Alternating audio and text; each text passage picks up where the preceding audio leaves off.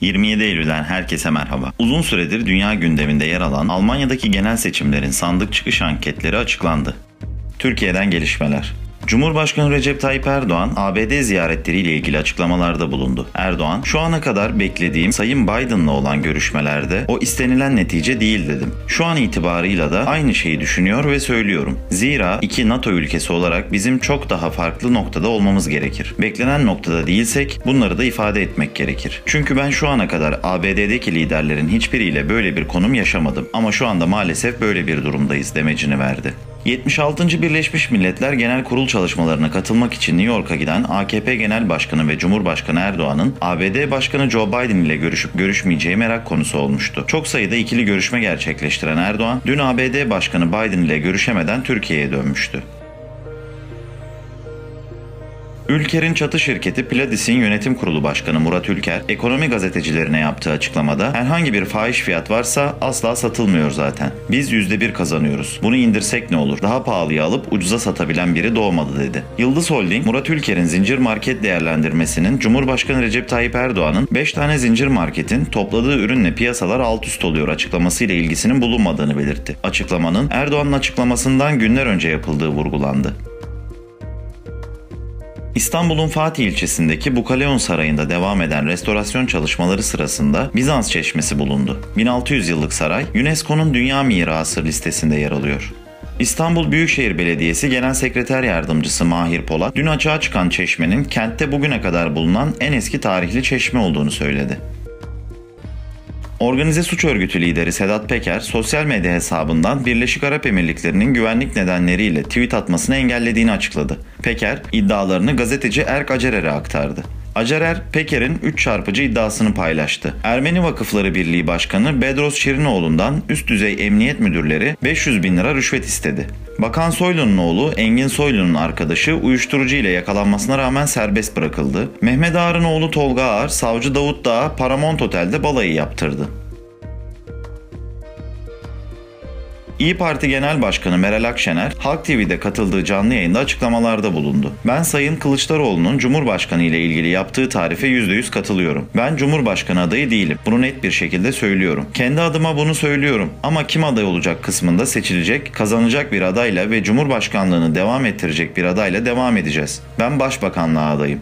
Merkez Bankası başkanlarını büyük ekonomist Sayın Erdoğan'ın faiz sebep enflasyon sonuç tezini ispatlatmak üzere o sandalyeye oturttukları için bu faizin indirilmesi kanaatimiz vardı. Dolarla, avroyla aldığınız her şey zamlanacak. Enflasyonu kaldıracak havaya. Bunun hiçbir anlamı yok. Kasım 2022'de seçim var deniliyor. Muhtemelen öngörüler doğru olabilir. Ben Sayın Erdoğan ve arkadaşlarının gerçeklik duygularını kaybettiklerini, seçmen ile olan irtibat konusunda da son derece uzak olduklarını, paralel bir evrende yaşadıkları için nasıl bir davranış biçiminde olabileceklerini öngöremiyorum. İster zamanında, ister önce bu sistemde onların seçim kazanması mümkün değil.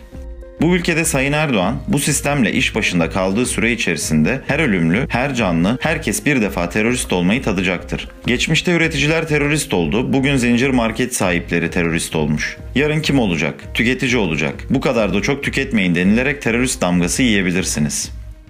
Dünyadan gelişmeler. Almanya'da 20. dönem federal meclisini belirlemek için yapılan genel seçimlerde oy kullanma işlemi sona erdi.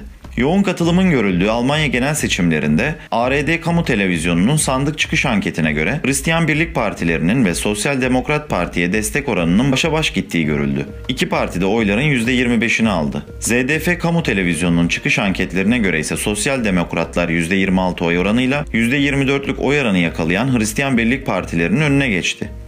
İlk çıkış anketlerinde Annalena Baerbock'un şansölye adayı olarak yarıştığı Yeşiller Partisi'nin oy oranı %15 olarak hesaplandı. Yeşillerin bir önceki seçimlere göre oy oranını önemli ölçüde arttırdığı görüldü.